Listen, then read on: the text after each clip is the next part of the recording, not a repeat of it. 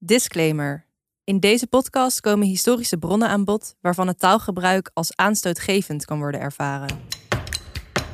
150 jaar geleden. 400 jaar geleden. 250 jaar 200 jaar geleden. aan de andere kant van de oceaan. In Suriname. In Indonesië, Nederlands-Indië, in de Oost, In de Paramaribo. Ghana, in Zuid-Afrika, In Brazilië. in Jakarta, Batavia, In Nederland. In de Republiek. in Amsterdam, In het Universiteitskwartier. In het Atheneum Illustre. in de Waag, In het Binnengasthuis. in het Spinhuis, In het Bushuis. in het Oost-Indisch Huis. In het Universiteitstheater. In het heden. In het verleden. Nu. Toen. Hier. Ver weg. Dichtbij.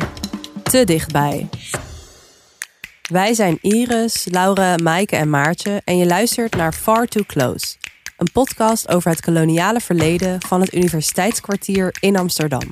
Welke verhalen huizen er in de gebouwen waar we college volgen en studeren? En wat moeten we vandaag de dag met een verleden dat zo ver weg voelt, maar eigenlijk nog heel dichtbij is? Je luistert naar aflevering 4 over het Spinhuis. Een plek waar eeuwenlang vrouwen werden opgesloten. We duiken in het leven van deze vrouwen en schakelen de hulp in van historicus Mark Ponte. Dat is de buurman. Die zegt dat hij deze twee zwarte kent voor boos en goddeloos. De stereotype beschrijvingen van zwarte vrouwen die in het spinhuis zaten opgesloten, komen ons niet vreemd voor. Zorgen deze stigma's vandaag de dag nog steeds voor discriminatie? Dat vragen we aan psycholoog en antropoloog Aminata Cairo. De enige manier dat je dat goed kan praten is, ja, ja maar ze zijn niet echt mensen. En, en die, die sporen, die, die zijn er nog. Ik loop hier met Maartje door de spinhuissteeg. Ehm, waar gaan we vandaag naartoe? Ja, dat heb je nu eigenlijk al een beetje verklapt. Maar eh, kijk, daar is het poortje al. Dit is dus het Spinhuis. Oké. Wauw, echt ehm, een indrukwekkende poort vind ik het. Veel kleuren en een beeltenis van drie vrouwen, waarvan de middelste een soort roe in haar hand heeft, of een zweep. En die lijkt die andere vrouw te slaan. Ja, dat heb je, heb je goed opgemerkt. Eh, hier zat dus eh, vanaf 1597 het Spinhuis. Dat was een, een tuchthuis voor vrouwen. En hier werden dus eh, dieven, oplichters en prostituees... die werden hier opgesloten. En eeuwenlang had men in Amsterdam eigenlijk zoiets gehad van... Hè, criminelen die moeten we zwaar straffen en pu- publiekelijk straffen... Maar aan het einde van de 16e eeuw vond men het eigenlijk beter om zich meer te focussen op een soort heropvoeding. En dat gebeurde hier. Oké. En waarom heet het dan het spinhuis? Ja, het idee was dat, dat vrouwen best heropgevoed konden worden door een, eh, door een ambacht te leren. En ze kwamen hier dus terecht achter het. Spinnenwiel. En dan konden ze dus ja, al werkend eigenlijk hun eh, zonde overdenken. Ik weet niet of dat mij zou, zo zou helpen. Nee, ja, daar denken we inderdaad tegenwoordig wel een beetje anders over. Maar wat gebeurt er dan nu in dit gebouw? Ja, in de 18e eeuw werd het spinhuis opgedoekt. Halverwege de 20e eeuw kocht de UvA het spinhuis aan als collegegebouw. Maar inmiddels verhuurt eh, de universiteit het pand ook aan bijvoorbeeld de KNAW Humanities Cluster. En zetten hier kantoren van het Huygens Instituut en het Meertens Instituut. In de 17e eeuw is Amsterdam een stad van vrouwen. Veel mannen zijn op zee en de Amsterdamse vrouwen leiden een zelfstandig en ondernemend leven. Ook in de misdaad zien we dat terug. Zo werd de helft van de geregistreerde misdaden gepleegd door een vrouw. Sommige van hen worden veroordeeld en opgesloten in het spinhuis. Maar niet alleen misdadigers worden in het spinhuis geplaatst. Ook lastige vrouwen, zoals bijvoorbeeld prostituees en bedelaarsters, konden in het spinhuis worden opgesloten. Een van deze zogenaamd onhandelbare vrouwen is Christina. Oké, daar zitten we weer, terug in de studio, voor het Spinhuis deze keer. Maartje, vertel. Wat heb je in de archieven allemaal gevonden over die Christina? Nou, Christina is interessant voor onze podcast omdat zij een van de vrouwen van kleur is waarvan we weten dat zij in dit tuchthuis heeft gezeten. En dat blijkt dan uit de verslagen van haar veroordeling, want daarin wordt zij heel expliciet omschreven als zwartin. Mhm. En wat had zij dan verkeerd gedaan als ze voor de rechtbank moest verschijnen? Nou, Christina heeft eigenlijk niet echt iets misdaan. Eh, ze komt in het spinhuis terecht op verzoek van ene Adrianus. En hij vraagt de rechtbank om Christina in het spinhuis te plaatsen, omdat hij vindt dat ze onhandelbaar is. Mhm. En die Adrianus is? Ja, eh, dat, ik snap dat dat nog niet helemaal duidelijk is. Ja. Maar Christina woont al haar hele leven bij die Adrianus en zijn vrouw eh, als dienstmeisje. En volgens hen verstoort Christina de orde van de stad. Want ze zeggen dat ze steeds wegloopt van huis en dat ze er, een eh, zeer slechte en onbetamelijke levenswijze op nahoudt. Dus eh, ze bedelt op straat. En Adrianus die zegt uiteindelijk dat hij bang is dat ze van kwaad tot erger zal vervallen. Dus eigenlijk wordt ze preventief opgesloten. Ja, en, en wat is die connectie dan tussen Christina en Adrianus dat hij dat zomaar kan doen? Dat is me niet helemaal duidelijk. Zij woont wel bij hem, maar Ja, ehm, je moet een paar dingen weten. Ten eerste, eh, Christina wordt dus beschreven als zwartin. Maar in die tijd werd die term eigenlijk gebruikt voor iedereen die niet wit is. oké. Eh, en daarnaast, Christina is niet in Amsterdam geboren, maar in Batavia. En daar hebben we dan meteen de link tussen het koloniale verleden en het spinhuis. Precies. En die Adrianus, die woonde vroeger ook in Batavia. En hij had daar ook tot slaafgemaakte mensen in zijn bezit. En Christina is de dochter van een van die tot slaafgemaakte vrouwen. Oké. En uiteindelijk is Adrianus met zijn vrouw naar Amsterdam verhuisd. En toen hebben ze Christina, die op dat moment ja, nog geen vijf jaar oud was, die hebben ze zonder haar moeder meegenomen naar Nederland. Mhm. Dan is die Christina vast niet blij dat ze bij die man woont. Nee, en dat is misschien ook wel een van de redenen dat Christina zich zo gedraagt. Na haar eerste opsluiting in het spinhuis keert ze zich namelijk actief tegen Adrianus. En dan gooit ze bijvoorbeeld met stenen de ruiten van zijn huis in. En dat is ook gelijk de aanleiding voor haar tweede veroordeling. En dan moet ze opnieuw het spinhuis in. En weten we of die Christina zich tijdens dat proces ook heeft verdedigd? Of op zijn minst is gehoord? Want ik ben eigenlijk wel benieuwd naar haar kant van het verhaal. Ja, tijdens haar tweede aanklacht komt ze dus heel kort aan het woord. En dan zegt ze iets waardoor ik eigenlijk heel erg in de war ben over ja, wie zij nou is eigenlijk. Christina zegt namelijk dat Adrianus haar vader is. Het verhaal van Christina roept veel vragen bij ons op. Voedde Adrianus Christina inderdaad als zijn eigen dochter op? Of was zij een onvrije bediende? Om deze vraag te beantwoorden gaan we naar het Stadsarchief van Amsterdam. Daar hebben we een afspraak met Mark Ponte. Mark is historicus bij het Stadsarchief en doet onderzoek naar de zwarte gemeenschap in het vroegmoderne Amsterdam. Hij kan ons helpen duidelijkheid te scheppen over de juridische status van Christina. Nou, Maartje, Mark en ik zitten hier in het Stadsarchief. In welke kamer zitten we nou precies? De kleine directiekamer. De kleine directiekamer. Wij zijn hier dus voor het verhaal van Christina, want wij zijn eigenlijk een beetje in de war. Wat is nou precies de relatie tussen Christina en die Adrianus? In die verhoren hoor je eigenlijk twee versies van het verhaal. Zij zelf zegt heel duidelijk van nou, ik denk, ik denk eh, dat, eh, dat eh, Adriaan van der Geugde dat dat mijn vader is. Eh, en eh, dat dan haar moeder zou dan een, een slaafgemaakte vrouw in, in, in Azië zijn. Ehm, Adrianus, die zegt dat zij eh, niet zijn echte eh, eh, dochter is, maar dochter van twee slaafgemaakten in zijn huis in Batavia. Nou, daar zit dus al een belangrijk conflict ook in, waar we verder niet heel veel zekerheid over krijgen wat nou de waarheid is. zeg Ja, DNA-onderzoek hadden we natuurlijk. we hebben geen. DNA-onderzoek en eh, ja, dat kunnen we helaas. eh, ja, eh, dat, als we het botmateriaal zouden hebben, zou het kunnen, maar dat hebben we natuurlijk. We hebben wel gezien in de tekst dat er ook naar Adrianus wordt verwezen als meester. Maar we hebben het nu over 1750 en er was toen geen sprake van slavernij in Amsterdam, toch? Nee, er was formeel geen slavernij in Amsterdam. Maar dat betekent natuurlijk niet dat het niet echt voorkomt. Hè? Dus eh, de wet, er was wetgeving over.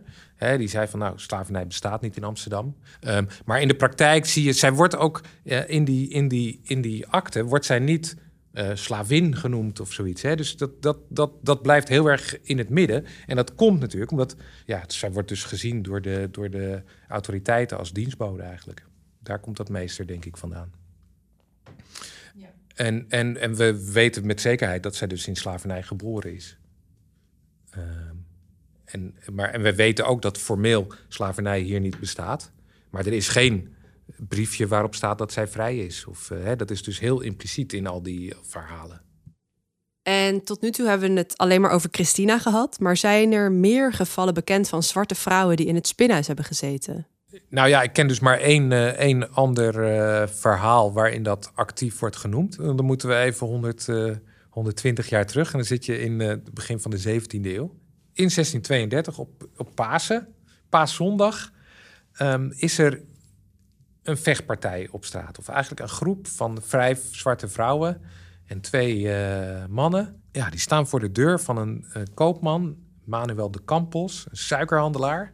Eh zij gooien stenen door de ruiten. Ja, maakt daar amok, zouden we zeggen. Hè? Maakt ruzie.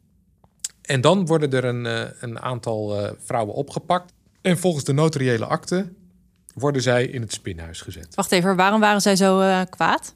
Kijk, dat is nou precies een van de lastigste dingen, want dat weten we niet. We hebben hele uitgebreide verklaringen over deze groep mensen, maar dat zijn allemaal getuigen die eh, op verzoek van die Emmanuel de Campos eh, eh, getuigen. En die zijn, zijn dus eigenlijk getuigen tegen deze groep mensen. En kunnen we even een stukje lezen uit die bron? Die verslagen van die getuigen. Ja, ik moet even kijken of hier. Nou, Even voor de luisteraar. Mark haalt nu een archiefstuk uit de doos die hier al de hele tijd op tafel staat. Op heden, ten 18e april des jaars 1632. eh, en de gezien heeft dat zekere zwarten en zwartinnen groot rumoer en de geweld aanrichten. Sommige stokken, sommige rapieren en... Wat is een rapier? Ja, dat is volgens mij een st- steekwapen. Wacht even hoor. Mark gaat nu rapier googelen. Ja, sorry. Komt. het is een soort, eh, ja, een, eh, een, een, ja, een zwaard. Zwaardachtig ding. Ja, een steekwapen. Ja. Dus, nou ja, dus die, die, die, die, ze, ze, ze waren bewapend met stokken, zwa zwaarden en stenen. Dus dat is best een heftig incident. Een van de vrouwen die deelneemt aan de vechtpartij is Dina. Dina is onderdeel van de Amsterdamse zwarte gemeenschap die begin 17e eeuw rond de Jodenbreestraat woonde.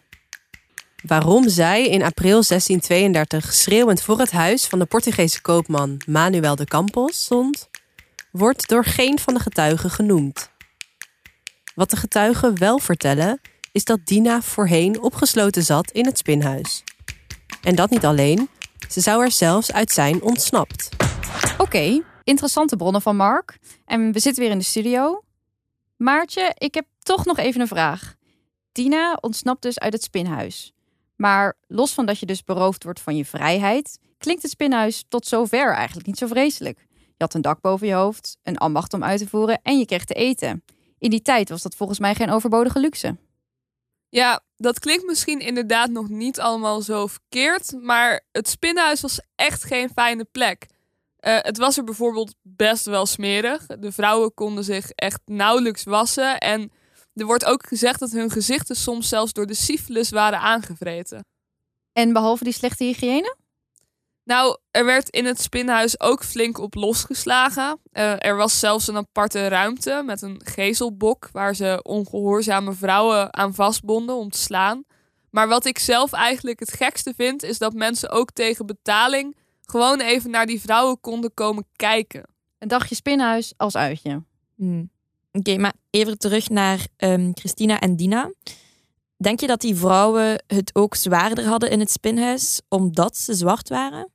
Ja, dat vind ik dus heel lastig om te zeggen, omdat ik geen verslagen heb van wat er nou precies met hen gebeurt in het spinhuis. Mhm.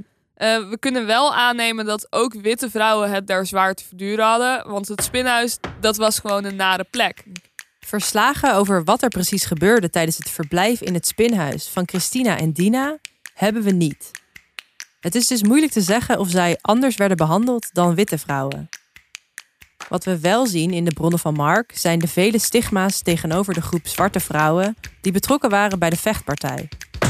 Ehm, wat wel interessant is, is dat er eh, nog weer een, eh, een, een andere getuige komt. Dat is de buurman. Die zegt dat hij deze twee zwarte kent voor boos en goddeloos. Twee zwartinnen zijn vuile hoeren. Ja, pittig. Ze worden wel heel erg in een kwaad daglicht gezet.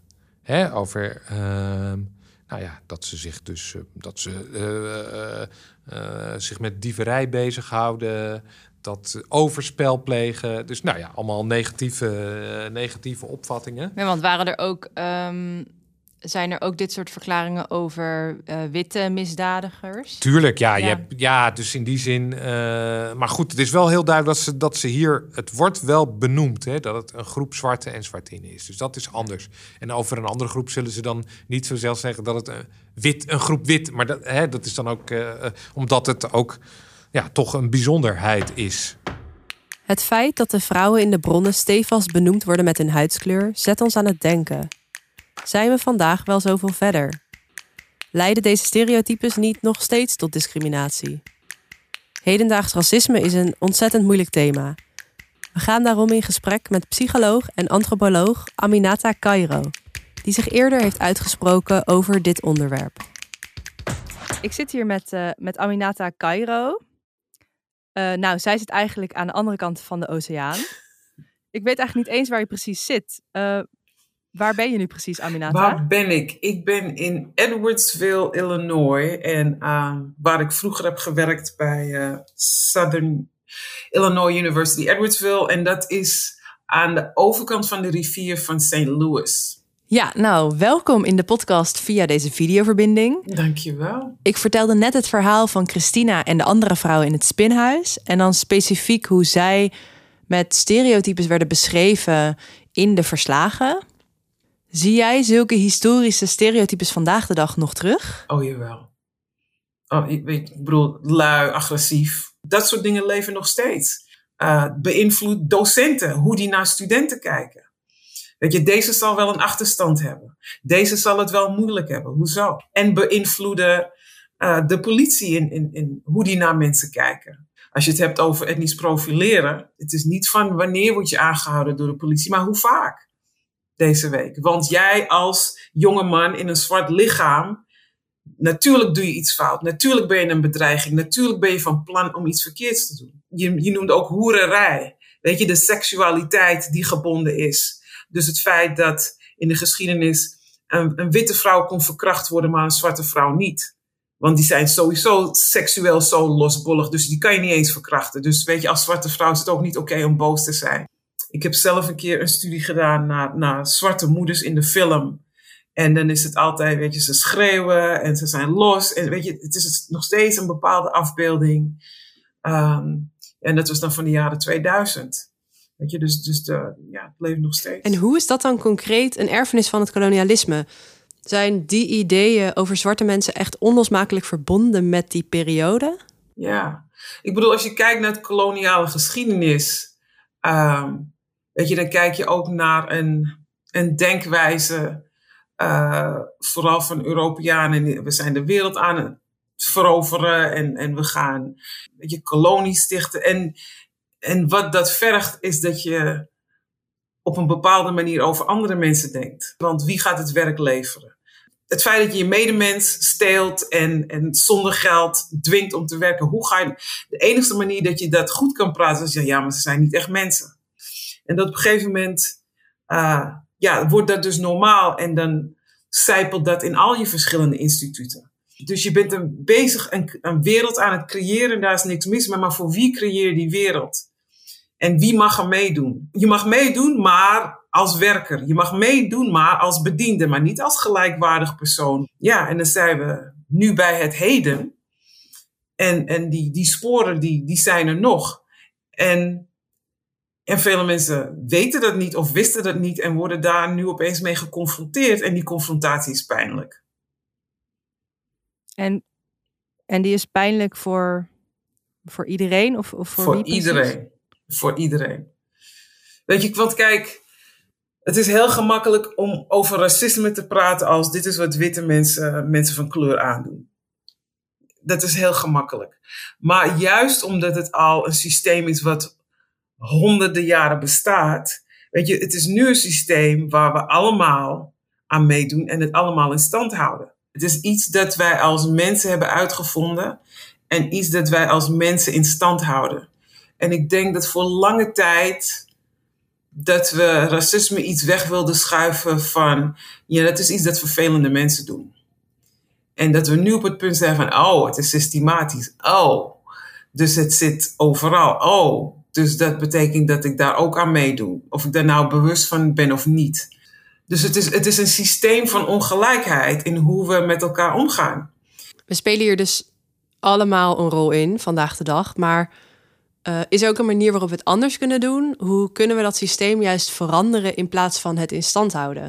Nou ja, ik bedoel sowieso de media en, um, en hoe belangrijk dat is. Ik, ik, um, weet je, het feit dat je nooit mensen zoals mij ziet op tv om kennis te delen, draagt ertoe bij dat wanneer ik binnenkom, dat jij vragen hebt of dat je denkt dat, oh, dat zal de secretaresse wel zijn of het zal de schoonmaakster wel zijn. Dat het niet eens bij je opkomt dat ik ook een academicus kan zijn. Omdat je dat niet vertegenwoordigd ziet in je omgeving. We are in the margins en dat is oké. En, dus, en, en hoe verander je dat?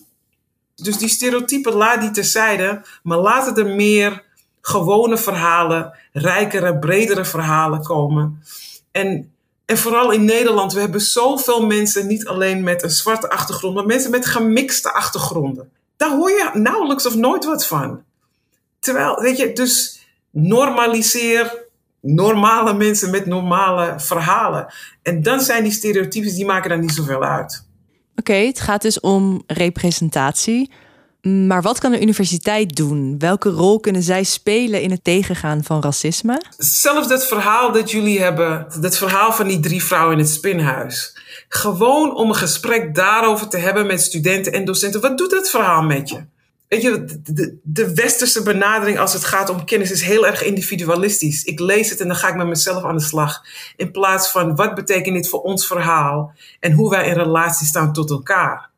Weet je, wat zegt dat over wie we zijn? Dit is ons gebouw. Wat betekent dat voor ons? Weet je, wat zegt dat over vrouwen? Hoe er naar vrouwen wordt gekeken? Hoe er met zwarte vrouwen wordt omgegaan? Hoe is dat anders nu? Hoe is dat hetzelfde nu? Weet je, wat doet dit, wat doet dit verhaal met mij als zwarte vrouw? En kan ik dat delen met jou als, als wit persoon? Zonder dat jij meteen gaat, oh jee, nu voel ik me, ah, daar gaat het niet om. Ik wil gewoon mijn verhaal kunnen delen. Heel vaak, mensen lijden in stilte. Mensen wordt het zwijgen opgelegd. En zo worden blijven dingen in stand gehouden. Um, ik heb gezien wat er gebeurt als ik, me, als ik mijn mond openmaak. Dus hoe creëer je veilige ruimtes voor mensen om dit te delen? En veilig betekent niet altijd gezellig. Want als ik, echt, als ik je echt ga vertellen hoe het is om hier te zijn, dan ga je het voelen. En ga je dan zeggen van, oh nee, het is toch wel ongemakkelijk, hou alsjeblieft op. Of zeg je, oké, ik ben hier, ik luister. En, en, en je mag je, weet je, de gevoelens mogen komen, maar dat we niet daarin blijven hangen. Maar dat we dat gebruiken om die volgende stap te nemen. Oké, hoe gaan we dan samen verder? Wetende dat dit onderdeel is van ons verhaal. Oké, hier zitten we dus, zoals altijd, aan het einde van de aflevering in de studio om even na te praten. Maar Aminata heeft alles zo duidelijk verwoord. Ik kan hier eigenlijk niet zoveel aan toevoegen. Nee, ik eigenlijk ook niet. Maar ik denk wel dat we kunnen concluderen dat de stereotypes waar Christina en Dina mee geconfronteerd werden, dat die er vandaag de dag ook nog heel duidelijk zijn. Ja. ja, ik vond het ook wel mooi hoe zij ook benadrukt dat het niet iets is van wit tegenover zwart, maar dat nu eenmaal ja, dat we nu eenmaal allemaal samen in een maatschappij leven met zo'n erfenissen van het kolonialisme. Dus dat we het ook maar samen moeten proberen oplossen. Maar wat vind jij? Waar zie jij nog stereotype beelden opduiken? Wat doe jij om dat soort foutieve beeldvorming tegen te gaan? En wat zegt dat over hoe we ons tot elkaar verhouden? Dit was aflevering 4 van de podcast Far Too Close over het Spinhuis. In de volgende aflevering gaan we op zoek naar het verborgen verleden van het bushuis Oost-Indisch Huis. En onderzoeken we de onderbelichte herinnering van slavernij in de Oost. Far Too Close wordt gemaakt door Iris van der Werf, Maartje van Bennekom, Maaike de Klein en Laure Lambert. In samenwerking met Foxpop, de creative space van de faculteit Geesteswetenschappen van de UvA en Microphone Media. We zijn veel dank verschuldigd aan Mark Ponte en Aminata Cairo, die beide uitgebreid de tijd hebben genomen om al onze vragen te beantwoorden. Ook dank aan Jorn Beuzekom, die onze historische bronnen met zijn stem tot leven wekte. Wil je meer weten over de verzwegen verhalen van gebouwen van de UvA? Bezoek dan ook onze website via www.voxpop.uva.nl en volg ons op Instagram via fartooclose-podcast. Deze podcast kwam tot stand met de steun van faculteiten en instituten van de Universiteit van Amsterdam en de Koninklijke Nederlandse Academie van Wetenschappen. Wij danken de Faculteit der Geesteswetenschappen, Voxpop, de Graduate School of Humanities, de Amsterdam School for Heritage, Memory and Material Culture, de Faculteit der Natuurwetenschappen, Wiskunde en Informatica, de Faculteit der Rechtsgeleerdheid, Bureau Communicatie, het Chief Diversity Office, Huisvestingsontwikkeling, de bibliotheken van de UvA en HVA en het NIAS KNW. Ook heel veel dank aan iedereen die ons tijdens het proces heeft geholpen en van advies heeft voorzien. Met een speciale vermelding voor Ganima Kosolea, de initiatiefnemer van deze podcast, en voor onze docenten van de Master Publieksgeschiedenis, Laura van Hasselt en Paul Knevel, die dit project mede mogelijk hebben gemaakt.